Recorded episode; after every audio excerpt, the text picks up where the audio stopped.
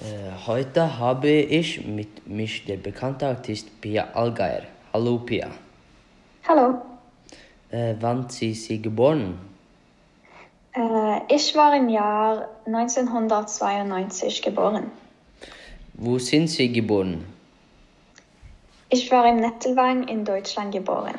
Es liegt im Bundesland Bayern. Äh, welchen Musikstil liebst du am meisten?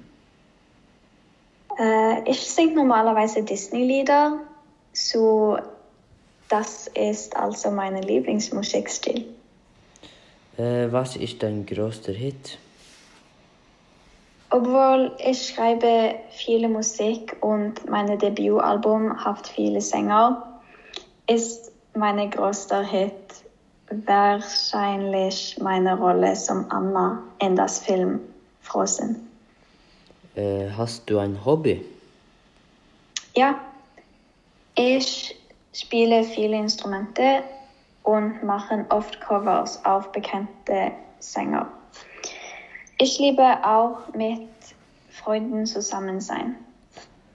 Äh, hast du ein Geschwister?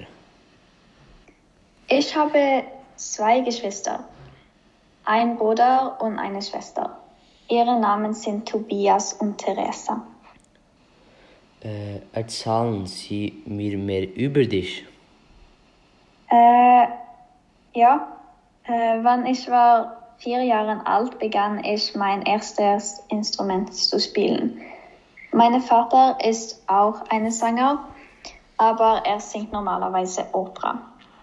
Owanda ist mein zweiter Nachname. Sudan sind meine Namen eigentlich Pia Owanda Allgeier.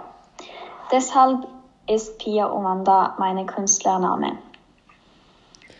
Äh, habt du ein Lieblingstier? Otter ist meine Lieblingstiere, weil ich denke, es ist eine coole Tiere. Okay, danke, dass Sie mit uns gesprochen haben. Auf und auf Wiedersehen.